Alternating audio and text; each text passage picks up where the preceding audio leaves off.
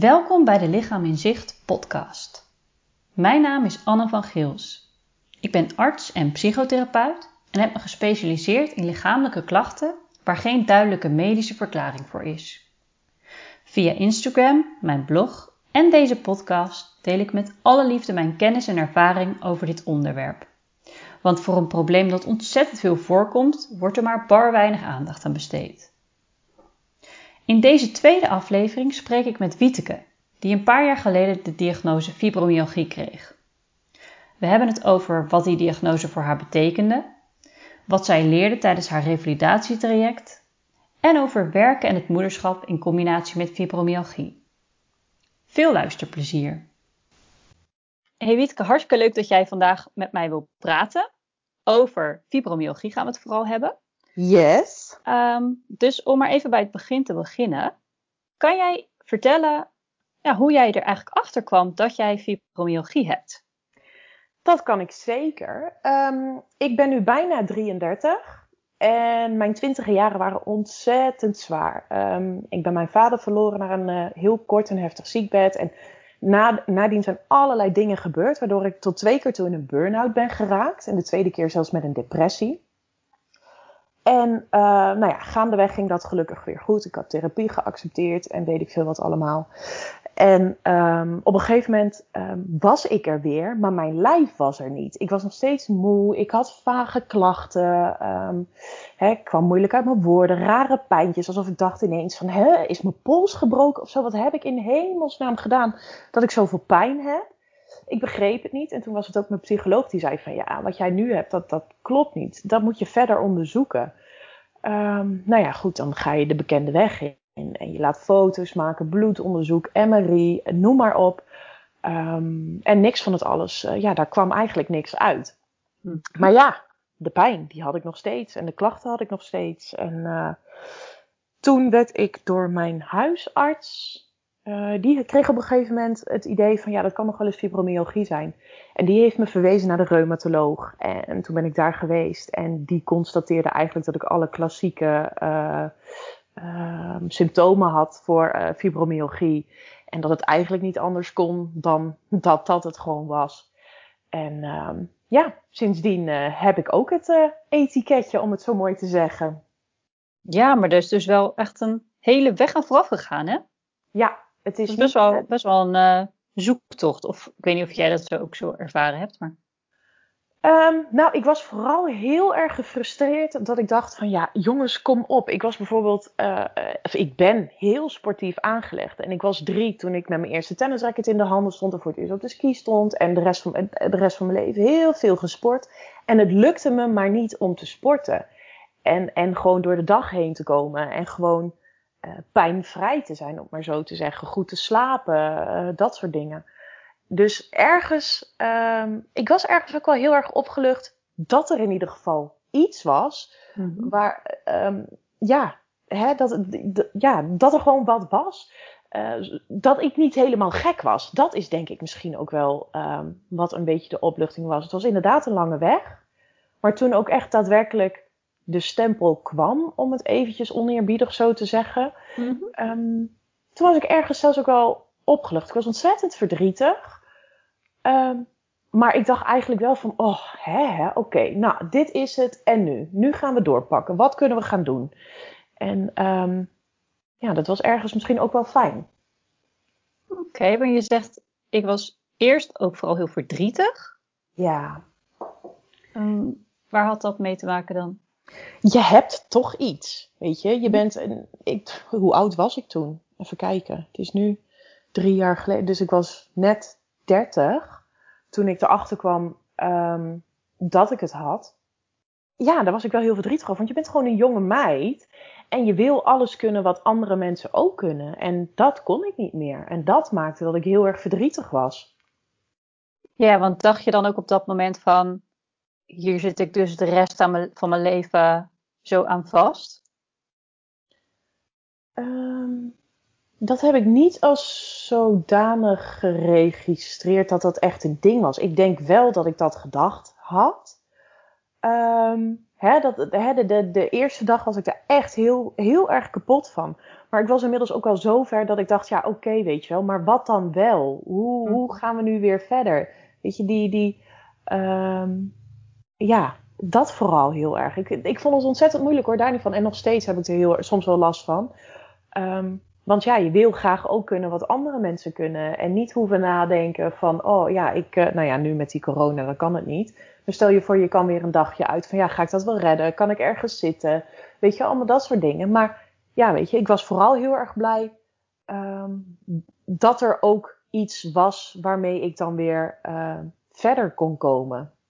Ja, het is een beetje dubbel eigenlijk. Aan de ene kant een soort van opluchting van oké, je weet in ieder geval wat er is en er is een soort van aanknopingspunt, maar tegelijkertijd ook wel verdriet, want ja, je bent niet helemaal soort van onbezorgd en vrij meer, want je hebt ineens wat. Precies, weet je, je hebt gewoon die stempel en je hebt dat labeltje en um, je hebt er maar mee te dealen. Dat was het ook vooral. Zo van verdorie, weet je wel, dat ja, het, het, het is er, dus ja, het gaat nooit meer weg. Dat. Ja. En jij zei het van, e-, eigenlijk al vrij snel kwam je in een soort van actiemodus. Van oké, hoe gaan we dit nu aanpakken? Hoe ben je dat gaan aanpakken? Nou, de reumatoloog die um, gaf aan dat ik kon kiezen uit twee soorten medicatie, mocht ik dat willen. Een anti-epileptica of een antidepressivum. Nou, ik had uh, een redelijk slechte ervaring gehad met een antidepressivum. En um, daar had ik geen zin in. Ik had zoiets van de, de, de, de uh, bijwerkingen van die medicatie, die zullen wellicht heftiger zijn. Of erbovenop worden gegooid op, hè, op het emmertje wat ik al heb. En daar had ik geen zin in. Ik had zoiets van, dan kan ik altijd nog wel aangaan. Um, hij gaf ook aan dat ik uh, me kon inschrijven voor een revalidatietraject. Mm -hmm. En um, dat heb ik eigenlijk ook gelijk gedaan. En, maar ja, dat heeft nog wel zeven maanden geduurd voordat ik überhaupt aan de, aan, aan de gang kon daar. Um, maar dat was het wel echt oprecht waard geweest. Ja. Ja? Ja, zeker weten. Ik ging er naartoe met een, een, een instelling van oh, alles of niets. En ik moet vijf kilometer hard lopen. En ik moet kunnen wielrennen. En ik moet kunnen boodschappen doen. En ik moet mijn huis spik en spannen hebben. Ik was heel erg gedreven met uh, heel erg gericht op einddoelen. Dus hè, wat er in die tussentijd gebeurde, dat maakte niet uit. Het moest gebeuren. En, en dat maakte dat ik soms gewoon de trap niet eens meer opkwam. Dus ik was echt, echt super streng voor mezelf. En die revalidatie heeft mij geleerd om, uh, om, om meer van de reis te kunnen genieten. Hè? Dat het al heel wat was als ik überhaupt in beweging kwam. Of dat nou vijf kilometer hardlopend was, of uh, uh, tien minuutjes wandelend. Het gaat erom dat je in beweging komt. En uh, die mindset, wat ze me hebben aangeleerd in twee maanden tijd, ja, dat was echt bizar. Dus echt zo, daar heb ik zelfs nu, op de dag van vandaag, nog zo ontzettend veel aan. Dat is echt, ja, life-changing geweest voor mij. Ja, ja, ja dus ja. echt klinkt alsof het vooral een heel groot verschil is in ja, hoe je naar de dingen kijkt. En dat ja. maakt dus ook dat je dingen heel anders aanpakt. Ja, Absoluut. Weet je, waar, je eerder, waar ik eerder dacht van dat moet gebeuren en hoe ik er kom maakt niet uit, denk ik nu eerder van oké, maar op welke manier kan het ook? En op welke manier kan ik daar ook komen? En, en moet dat op die rechtlijnige manier? Of kan dat met een omweg? Of hè, is iets dichterbij, is dat ook oké? Um, wat kan mijn lijf aan? Wat kan ik geestelijk aan? Heb ik er zin in? Wat, hè, wat is goed voor mij? En um, dat hebben ze me heel erg geleerd, ja. Ja. ja. Hey, en misschien een lastige vraag hoor, maar kan je ook herinneren hoe je dat hebt geleerd? ja, ze zijn heel streng voor me geweest. Um, en dat is ook heel erg grappig, want uh, na de hand uh, kreeg ik zelfs te horen van, nou, we hadden niet verwacht dat jij het zou gaan redden, maar als er iemand uh, goed veranderd is, dan ben jij het. Ja, ze hebben geleerd om, um, om bijvoorbeeld mijn sportschema in kleine stukjes op te delen. Uh, een hardloopschema heb ik gekregen.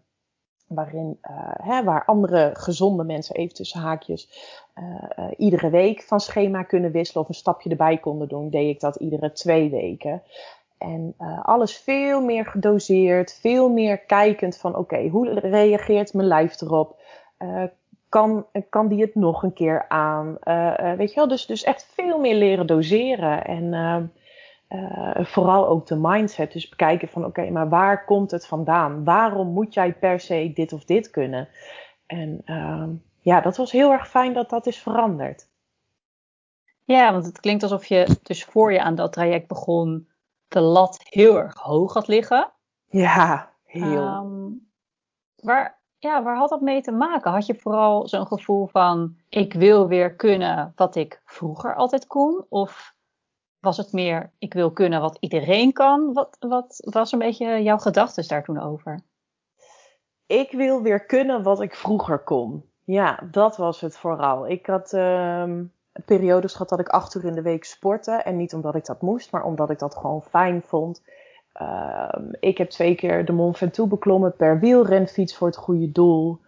Um, ik wilde dat gewoon weer. Ik wilde die energie, die, dat, dat level van, van, van, van fitheid, van lekker bezig kunnen zijn. In de jaren dat het zo heftig was geweest voor mij, was sporten echt mijn uitlaatklep. En die had ik nu niet meer. En dat was het misschien ook wel dat ik mijn uitlaatklep kwijt was. Althans, dat dacht ik. Omdat ik niet meer op dat niveau bezig kon zijn um, waar ik altijd op bezig was. Ja. ja, dus jij dacht eigenlijk met dat je het niet meer op dat niveau kon doen, dat je het helemaal kwijtgeraakt was. Maar door dat revalidatietraject kwam je er eigenlijk achter van, nou, dus is nog zeker, zeker wel wat mogelijk, maar op een andere manier. Ja, absoluut. Absoluut. De eerste keer na mijn revalidatietraject dat ik de vijf kilometer weer kon lopen. Ik heb gejankt. Ik was zo verschrikkelijk trots op mezelf. Maar ook gewoon in welk tempo ik dat had weten te doen. Vooral kijkend naar wat mijn lijf aankon. En, en hè, dat ik niet over mijn eigen grenzen heen ging. En dat ik gewoon echt oprecht heb weten te luisteren naar wat mijn lichaam verlangde. Dat was gewoon zo bizar gaaf. Ja, dat is echt. Um, ja, dat vergeet ik nooit meer. Nee. Ja, en dan noem jij nu iets wat ik. Nou ja, wat een thema is wat ik bij heel veel mensen terug hoor komen. Is dat jij eigenlijk aanvankelijk vooral naar je hoofd aan het luisteren was. En dat een hoofd wat zei van. Ja, maar hè, dit moet je toch gewoon kunnen. Dit kon je vroeger. Hè, zo moet het gaan. Terwijl je eigenlijk in dat traject veel meer geleerd hebt om te kijken van, ja, maar hoe reageert mijn lichaam? Wat kan mijn lichaam aan? En dat meer als uitgangspunt te nemen. Ja, absoluut dat dat als, als, als, uh, uh, als, als punt te nemen. Want dat is waar het om draait bij fibromyalgie. Niet om wat je hoofd wil, maar wat, om, wat, wat je lijf kan. En nou klinkt dat nu. Hè? Ik denk van, als je dat eenmaal geleerd hebt, dan klinkt dat eigenlijk heel logisch en ergens ook wel simpel. Maar dat was ongetwijfeld een, een, heel, een hele weg daar naartoe. Want hoe is dat jou gelukt? Want voor die tijd had je dus echt wel een vrij strenge norm voor jezelf van wat je vond dat je moest kunnen. Hoe is dat jou dan gelukt om, om dat een beetje los te laten en om echt gewoon te accepteren dat, dat je dus bepaalde dingen niet zo snel kon als je het wilde? Door het gewoon te ervaren, door, door met juist die kleine stapjes, door te voelen van, oh, oh, maar dit voelt eigenlijk toch wel heel erg fijn. En uh, het lukt me alsnog om iets te doen. Maar ik, uh, hè, ik, ik hoef niks te overcompenseren. Uh, ik voel geen pijn. Hè, en en dat, dat, dat is te trainen. Dat is trainbaar. Dus na verloop van tijd voel je daar steeds meer een effect in. En nou zeg ik ook niet dat het echt makkelijk is, want je moet dat ook volgens mij wel echt willen. Je moet echt willen dat er verandering mag plaatsvinden maar dat denk ik, door, door juist die kleine stapjes te nemen en echt te zien wat dat kan opleveren. Want ik had nu gezien van aan de ene kant he, zat ik heel hard aan mezelf te trekken voordat ik met dat traject begon. Uh, en aan de andere, aan het einde van het traject kon ik gewoon dat loslaten en, en um, ja, uh, gewoon veel zachter zijn naar mezelf. En um, dat is gewoon gebeurd door het maar, maar, te ervaren. Dat is niet doordat iemand zei: Ja, maar dit komt wel goed hoor. Weet je, je moet het altijd zelf doen. Ja. En het zelf doen begint met één stapje vooruit te zetten. Ja, mooi. Hey, en zijn er nog andere dingen die jij of in dat revalidatietraject of misschien via een andere manier hebt geleerd waarvan jij denkt, ja, dat is ook echt belangrijk geweest voor mij in het omgaan, leren omgaan met fibromyalgie? Um, nou ja, um, weet je, het is niet iets waar je voor kiest. En um, je hebt het of je hebt het niet. En als je het hebt, dan is het ontzettend zuur. Uh, maar ik ben van mezelf gewoon een heel positief mens. Dus ik probeer er gewoon wat van te, maken. En ja, dat, dat, dat gebeurt gaandeweg. En daar is geen succesformule voor. En ik denk dat dat ook per persoon verschillend is. Maar juist ook, ook in dit verhaal weer, door juist die kleine stapjes te ondernemen, door te kijken naar wat je juist wel kan, um, denk ik dat, dat het acceptatieproces veel sneller gaat. Dus dat je gericht gaat kijken van oké, maar wat kan ik dan wel? Dan haal je daar je euforie uit. En daar kun je weer aan opladen, zodat je de dingen die je niet meer kan, veel sneller vergeet. Dat is denk ik um, wat bij mij uh, heel erg ja, heeft geholpen. Ja, want dat vind ik ook wel mooi in hoe jij dat net zo beschreef. Dat je sporten eigenlijk voor jou ook. Um, hè, dat gaf jou, dat bracht jou heel veel. Dat was heel belangrijk voor jou. Maar omdat je dat niet meer kon, um, ja, was dat eigenlijk een heel groot verlies. Maar met dat jij ging accepteren dat nou, dat het op een ander level nog steeds wel mogelijk was, dat je er ook weer langzaam maar zeker wat meer plezier uit ging halen. Absoluut, absoluut. Ja, nee, waar ik eerder dacht, ja, dat kan nooit meer. Um, ja, misschien kan ik dat nooit meer op dat niveau. Nou ja, dat is dan oké. Okay. Ja, weet je, dat is dan niet anders. Zo heb ik leren denken. Zo was ik niet, maar zo heb ik wel leren denken, ja. Ja. Hey, en een ander onderwerp waar veel mensen met fibromyalgie of andere chronische pijnklachten mee worstelen, is werk. En nu weet ik, jij hebt een eigen bedrijf. Ja. Um, kan je iets vertellen over, um, nou ja, misschien hoe, hoe het werken voor jou is geweest zo met fibromyalgie en ook misschien wat voor aanpassingen jij voor jezelf maakt of hebt gemaakt in het werk, waardoor het voor jou nou, goed te doen is op deze manier? Ja, zeker. Um, voordat ik mijn eigen bedrijf had, uh, zat ik twee jaar ziek thuis met mijn burn-out. En voordat ik aan de gang was bij het revalidatietraject. Dus echt met de diagnose fibromyalgie heb ik nooit gewerkt voor een baas. Um, maar na mijn revalidatietraject zat ik uh, in een traject bij het UWV om afgekeurd te worden. Maar goed, daar hoef ik niemand over te vertellen hoe dat gaat als je fibromyalgie hebt. En um, toen moest ik gaan solliciteren. En ik ben heel erg eerlijk. En ik zeg gewoon, ja luister, ik heb fibromyalgie. En dat kan betekenen dat ik soms ochtends niet om acht uur voor jou klaar kan staan. Ik kan wel langer voor je doorwerken. Maar goed, daar werd het dus iedere keer op afgeketst. En toen dacht ik, ja, maar dit is het ook niet. En toen kwam uh, op Facebook een advertentie voorbij over virtual assistants. En in één keer klikte van alles in elkaar. Uh, de puzzelstukjes vielen in elkaar. Allemaal lampjes gingen aan. En binnen drie weken had ik dus mijn website en alles georganiseerd. Had ik me ingeschreven bij de KVK. Ik had toestemming van het UWV om vanuit de WW te gaan starten. En ben ik gewoon gaan beginnen met mijn regels en met mijn voorwaarden. En vanuit de revalidatie had ik ook een, een, een urenbudget, om het maar even zo te zeggen, waarin ik belastbaar zou kunnen zijn.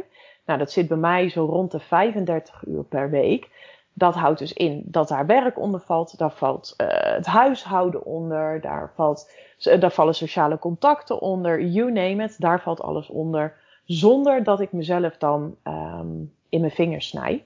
Mm -hmm. En uh, nou ja, ik ben gestart. En ik werk 20 uur ongeveer. 25 uur wanneer het druk is. Maar dat is niet, dat is gewoon sporadisch.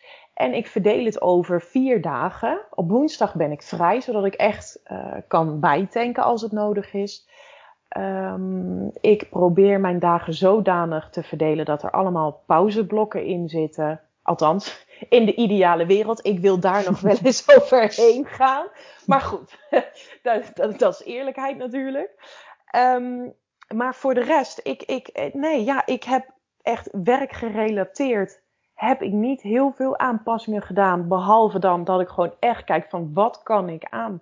Ik, ik, ik, ik ben wel zo vrij in mijn werk dat ik gewoon kan zeggen: Oké, um, vanochtend lukt het niet. Nou ja, dan pak ik hem vanavond op, weet je wel. of in het weekend als het nodig is. Ik ga mezelf niet kaderen in, oké, je werkt alleen tussen 9 en 5. Of, of hè, als het niet gaat, dan gaat het niet. En die vrijheid is ontzettend fijn. Dat haalt de druk eraf. En dat, dat, dat biedt letterlijk ruimte om dingen te kunnen gaan doen. Ja, waar je anders in in een loondienstbaan bijvoorbeeld, uh, waar je dat niet zou kunnen doen. Nee, wat ik ook echt heel mooi vind om te horen hoe jij dat zo georganiseerd hebt, is dat jij eigenlijk meer jezelf als uitgangspunt hebt genomen om te kijken van uh, hoeveel uren wil ik überhaupt werken of kan ik überhaupt werken en uh, over hoeveel dagen wil ik dat verdelen en hoeveel pauze heb ik nodig. En zo heb je dat een beetje bij elkaar gepuzzeld in plaats van, hè, ik denk dat voor veel mensen het eerder andersom gaat. Zo van je hebt een bepaalde baan, je hebt bepaalde kaders waar je aan hoort te voldoen. En dan moet je maar een beetje kijken hoe je dat zo goed en zo kwaad als het gaat kunt aanpassen. Um, en je hebt het eigenlijk andersom aangepakt. En dat is wel heel. Voor jou pakt dat dus blijkbaar heel goed uit zo. Ja, want oh jongens, nog steeds, ik krijg er de kriebels van. Ik vertik het om een ander te laten bepalen hoe mijn leven eruit ziet. Hè? Uh, ik bepaal mijn eigen regels. En als iets niet gaat, dan is het niet omdat ik niet wil, maar omdat ik het niet kan. En als ik het op een later moment kan, dan doe ik dat ook. En al mijn klanten, die weten ook dat ik fibromyalgie heb. En als ik eens een aanval heb of het gaat gewoon even niet goed, dan deel ik het ook gewoon. En dan zeg ik, ja, joh, weet je, het lukt nu gewoon even niet. Ik doe wat ik kan. En, en alles wat hoog nodig is, zal nu gebeuren. En de rest, dat moet maar even opschuiven totdat ik me wel oké voel. En juist die eerlijkheid, dat weten mensen gewoon ontzettend goed te waarderen. Want je bent ook maar mens. Weet je, en dat willen we allemaal nog wel eens uh, uh, verliezen volgens mij. We denken allemaal dat we alles aankunnen en, en weet ik veel wat. Dat we alles maar uh, moeten slikken ook, om het maar zo te zeggen. Mm -hmm. Maar dat is helemaal niet zo. Althans, in mijn geval dan. Hè. En ik heb natuurlijk ook heel makkelijk praten, omdat ik mijn eigen baas ben. Um, maar ik zie ook echt oprecht in hoe het ook anders kan in loondienstverband, omdat ik er nu niet meer middenin zit. Bedoel je dat het in loondienst ook anders zou kunnen? Of bedoel je hoe anders het nu is, nu je niet in loondienst werkt? Mm, beide. Ik denk dat je in, in, in, in een loondienstverband, uh, hè, we zijn zo houden we ons vast aan vaste stramine en weet ik veel wat. Want we hebben dit altijd gedaan, dus dan moet het altijd ook maar zo zijn. Mm-hmm. En er wordt heel weinig naar het individu gekeken. Terwijl het juist, er gaat verschrikkelijk veel talent verloren, omdat heel veel mensen niet aan het werk kunnen komen omdat ze iets hebben, maar wel verschrikkelijk veel talenten hebben. En in plaats van dat we nou eens met z'n allen gaan kijken van oké, wat kan iemand wel, in plaats van wat kan iemand niet, Weet je, dat zou zo ontzettend veel perspectief bieden. Ook voor al die mensen die nu ja, tussen het wal en het schip, uh, uh, tussen wal en het schip komen te vallen. Omdat ze maar iets hebben. Weet je, en, en tuurlijk, een, een, een, een, uh, een, een werkgever zit vaak aan openingstijden en weet ik veel wat allemaal vast. Maar ook daar zijn mogelijkheden in te vinden. En ja, hoe verder ik daar nu van afsta, ja, en dat is natuurlijk ook heel makkelijk zeggen, maar uh, hoe, hoe meer ik ook denk van ja jongens, maar volgens mij kunnen we dit ook compleet anders in gaan richten met z'n allen. Maar goed, dat vind ik. Ja, nee, nou, ik ben het helemaal met je eens. En wat ik vooral, ja, wat ik ook echt heel erg onderschrijf, is er is vaak zoveel meer mogelijk dan we denken. Hè? Als je bereid bent om een beetje buiten de kaders te denken. En hè, als je in loondienst werkt, je hebt hopelijk dan een leidinggevende die bereid is om daar ook een beetje in mee te bewegen. Dan is er eigenlijk zoveel meer mogelijk. Ja, Oh, zeker. Maar dat, dat, dat willen we volgens mij met z'n allen nog wel eens uit het oog verliezen. En dat is zo zuur en zo zonde. Want waarom? Weet je, er gaat verschrikkelijk veel talent verloren nu. En um, ja, dat zou niet moeten mogen. Nee, weet je wat ik ook wel heel mooi vind, is dat jij daarin ook zo open bent. Ook bijvoorbeeld naar jouw klanten zo open bent. Want dat geeft je dan ook vervolgens de vrijheid om Um, nou, tenminste, dat, dat neem ik een beetje aan. Om ook makkelijker jouw grenzen aan te geven. Om ook makkelijker aan te geven van dit lukt me nu op dit moment niet. En dan is daar ook begrip voor. Ja, sterker nog, um, er is ooit. En die zei: Ja, je praat wel heel erg veel over je fibromyalgie. Dan moet je stilhouden hoor, want uh, anders wil niemand met je samenwerken. In die periode kwam de ene na de andere aanvraag binnen. Terwijl ik echt heel erg open was over mijn fibromyalgie. En juist uh, dat aspect van hè, dat ik daarin menselijk was. Dat ik niet hè, perfectie nastreven of wat dan ook. Dat maakte juist dat mensen met mij wilden samenwerken. En er was er dus eentje die zei, ja, maar dat moet je niet doen. Dus die heb ik ook vriendelijk uh, een bericht gestuurd van, joh, alles leuk en wel, maar met jou wil ik niet eens samenwerken. Ja, weet je, als je dat niet begrijpt, even goede vrienden hoor, helemaal goed. Maar ja, dan zijn wij geen match. Ja, ja, mooi. Ja. Hey, um, nog even een, een ander onderwerp. Um, want naast dat jij je eigen bedrijf hebt, heb jij ook uh, een jong kindje, een dochtertje. Klopt. En uh, nou, ik heb zelf twee kleine kinderen, dus ik weet hoe intensief dat kan zijn. Hoe, uh, hoe ervaar jij dat? Um, uh, misschien ook de zwangerschap, maar vooral ook het moederschap in combinatie met de klachten die jij hebt. Nou, dat, dat was nogal. Mijn zwangerschap was nogal pittig, kan ik je vertellen. Um, ik weet niet of het door de fibromyalgie komt, maar met 18 weken had ik al lichtelijke bekkeninstabiliteit, wat alleen maar erger werd. Uh, met week 23 liep ik al te waggelen. En bij week 30, ja, week 30 kreeg ik in beide polsen het carpaaltunnelsyndroom. Um, ja, dus dat was heel erg pittig. En mijn man die werd ook een soort van mantelzorger. En uh, op een gegeven moment um, hebben we ook besloten van ja, zo kan het niet langer. En toen hebben we geprobeerd mijn dochter uh, te halen in het ziekenhuis. Maar ze besloten vier dagen langer over te doen. Lang verhaal kort. Dat was heel vervelend. Maar ze was er gelukkig. Ja. Um, maar het moederschap aan zich, ja, dat vind ik het meest fantastische wat er is. Absoluut. ja, ik word helemaal weeg als ik, uh, als ik het erover heb. Maar nee, ja, weet je, het is natuurlijk hartstikke pittig. Weet je, gewoon überhaupt een kind aan zich. Ja. Um, maar ja, um, waarschijnlijk het aard van het beestje. Maar ik, ga, ik ging onbewust ervan uit dat ik een huilbaby zou hebben. Dat het verschrikkelijk zwaar zou zijn. Alle scenario's had ik gehad. Maar ik was even vergeten dat, van het scenario dat de baby ook makkelijk kon zijn. En laat mijn dochter nou echt een heel makkelijk kind zijn. Ze sliep met zes weken al door, uh, dronk goed, deed het goed. Dus um, ja, iedere dag was echt een verrassing. Van, oh, oh, oh ja, nou ja, het kon ook natuurlijk zo gaan. Dus ja. Jij had, je er zo, jij had zoveel doemscenario's in je hoofd dat het eigenlijk allemaal reuze meeviel. Ja, sterker nog, uh, geen één, geen enkel, zoals bijvoorbeeld de slapeloze nachten, waar heel veel mensen het over hebben. Ja, die hebben de eerste zes weken gehad, logischerwijs. Maar toen bij mij de, de adrenaline en, en de kick van de bevalling daar afging en de hormonen, toen sliep mijn dochter hele nachten door en toen kon ik ook gewoon prima slapen. En slaap is gewoon zo essentieel. Um, dus ja, nee, dat ging goed. Oké, okay, dus dat is eigenlijk helemaal niet zo'n issue voor jou. Nee, het enige vervelende is dat als je eens een aanval hebt van, je, van mijn fibromyalgie, weet je, dan kan ik mijn dochter gewoon niet goed verzorgen. En dat vind ik het allerergste wat er is. Weet je, je bent moeder en als je op zo'n moment niet fatsoenlijk je kind kunt verzorgen, ja, dat, dat doet gewoon zeer. En ondanks dat mijn dochter er waarschijnlijk helemaal niks van meekrijgt en dat papa het ook helemaal prima kan doen, is het ook weer je eigen kritische stem die dan zegt, ja, maar hé, hey, hallo, uh, ga er eens wat aan doen, weet je wel. Um, maar ja, ja, weet je, dat vind ik het ergste dan wat er is op dat moment. Ja, toch een beetje, tenminste dat kan me dan zo voorstellen, alsof je dan tekortschiet, omdat je dat niet kan op dat moment.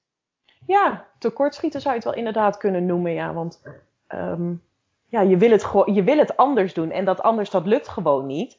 Dus hè, uh, je moet het maar doen met wat er op dat moment is, maar dat kan inderdaad heel frustrerend zijn, ja. Ja. Hey, je hebt het nu zo, je zei een paar keer van, soms heb ik nog wel een aanval van mijn fibromyalgie. Mm um, hoe ziet dat er dan uit voor jou? Ik voel hem aankomen. Vaak uh, een maand tot twee weken van tevoren begin ik wat waziger te zien. Ik krijg wat, wat, wat vage klachtjes. Uh, het wakker worden s ochtends, dat lukt gewoon niet helemaal goed. Want het lijkt dan hè, alsof ik niet wakker kan worden en gewoon zo verder kan slapen.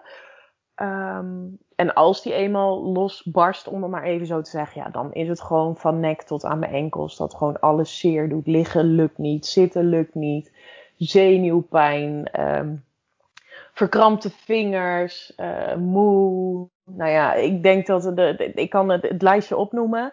Maar ja, je kan ze allemaal op dat moment uh, aan, af, afvinken, ja. Ja, dus dat is echt heftig. Ja, ja dan wil ik ook eigenlijk het liefst alleen maar gewoon blijven liggen en um, hopen dat het heel snel voorbij gaat. Ja, en hoe kom je daar dan weer uit? Door erin mee te gaan. Ik heb er altijd tegen gevochten. Zo van, ja, maar ik wil dit niet, dus ik ga maar door, ik ga maar door, ik ga maar door. Maar ik ben erachter gekomen dat als je het gewoon maar accepteert dat het er is, dat het sneller weggaat dan dat je er tegen zou gaan zitten vechten. En betekent dat ook dat je dan, dat betekent eraan toegeven ook dat je dan meer rust neemt?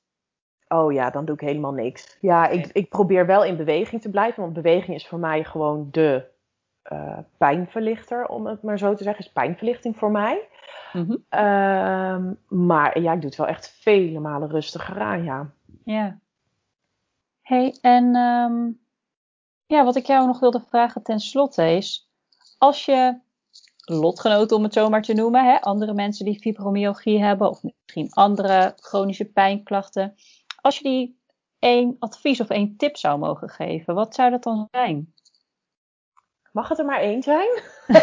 nee hoor, kom maar op. nou ja, allereerst vind ik het persoonlijk heel erg belangrijk dat je de focus van het negatieve af moet halen. Dus dat je gaat kijken van oké, nou weet je, dat kan niet meer. Oké, maar wat kan dan wel? Richt je op wat wel kan en, en blijf je daarop focussen. En, en onthoud dat iedere stap, ook al is het een klein stapje, is er één vooruit. En het is niet zo uh, um, dat dit de heilige graal is. En, en het, het zal de fibromyalgie ook niet weghalen, maar het werkt wel. Een positievere instelling zorgt ervoor dat je veel makkelijker klappen kan incasseren, zowel lichamelijk als geestelijk. Maar ik heb het in dit geval natuurlijk eventjes over de fibro. Dat, als, dat is natuurlijk een enorme klap. Mm -hmm. um, er kan zoveel meer wel dan wat er niet kan. Het is maar net waar jij je focus op legt. En um, als jij je op het negatieve blijft focussen, dan wordt je dag ook grauw. Richt je je met je gezicht naar de zon en de positieve dingen, dan krijg je een stuk veel meer licht in je hoofd.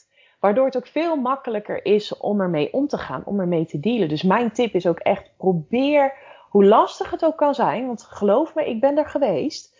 Um, probeer gewoon echt die positiviteit te zoeken. Want dat gaat je gewoon op den duur echt oprecht verder helpen. En praat erover. Schaam je ook letterlijk oprecht niet voor wat je hebt. Want je hebt hier niet voor gekozen. Weet je, maar ga het omarmen. Ik noem mijn fibro serieus mijn cadeautje. Want mijn fibro zorgt ervoor dat ik niet keihard meer over mijn grenzen heen ga. Omdat mijn fibro op tijd zegt, yo, uh, nou is het even goed. Even rustig. Weet je, ik probeer het nu echt te omarmen. Ja, natuurlijk heb ik pijn. Ja, natuurlijk vind ik het rot. Natuurlijk had ik ook van alles anders willen doen. Is nou eenmaal niet zo heel vervelend. Dan ga ik kijken wat, wat ik wel kan. En dat is echt heel veel meer dan wat ik me ooit had, voor, uh, had weten voor te houden. Want ik dacht vroeger, of vroeger, een paar jaar geleden, toen ik, achter de, toen ik erachter kwam dat ik fibro had, dat ik bijvoorbeeld nooit meer zou kunnen skiën. Inmiddels eh, ben ik al een paar jaar weer verder en ik heb ieder jaar nog geskiet. Dus, en het ging ieder jaar eigenlijk stukken beter. Weet je, dus richt je op wat wel kan en dan ga je verder komen. Dat is denk ik wel mijn grootste tip. Ja, super mooi. Want wat ik ook mooi vind aan, aan die insteken, ook aan jouw verhaal, is eigenlijk met dat je vooral kijkt naar wat er nog wel mogelijk is, dan opent zich eigenlijk ook weer een hele nieuwe wereld aan mogelijkheden. Want je ziet ook veel meer kansen in plaats van beperkingen en onmogelijkheden. En dat geeft ook weer heel veel hoop, vind ik. Ja, absoluut. Maar het is ook echt maar net waar je zelf voor wil kiezen. Hè? Want heel veel dingen, daar kan je gewoon zelf niks aan doen. Maar je kan er wel voor kiezen hoe je erop reageert. En dat klinkt heel zweverig, ik weet het. Maar het is echt waar. Weet je, het leven is gewoon nou eenmaal veel leuker als je lacht. Ja, kies daar dan ook voor. En, en omarm wat er op dat moment is. En ga er gewoon voor. Want ja, wat heb je nou eigenlijk daarin te verliezen? Helemaal waar. Ja. ja. Hey, ik wil jou echt onwijs bedanken uh, voor dit interview. Ik denk dat je, um, ja, ik vind echt dat je heel waardevolle dingen hebt gezegd. En ik hoop ook dat anderen uh, nou, herkenning vinden in jouw verhaal en misschien inspiratie ook wel. Um, dus dank je wel daarvoor. Ja, ja, jij dank je wel voor dat je me hebt uitgenodigd. Hartstikke lief.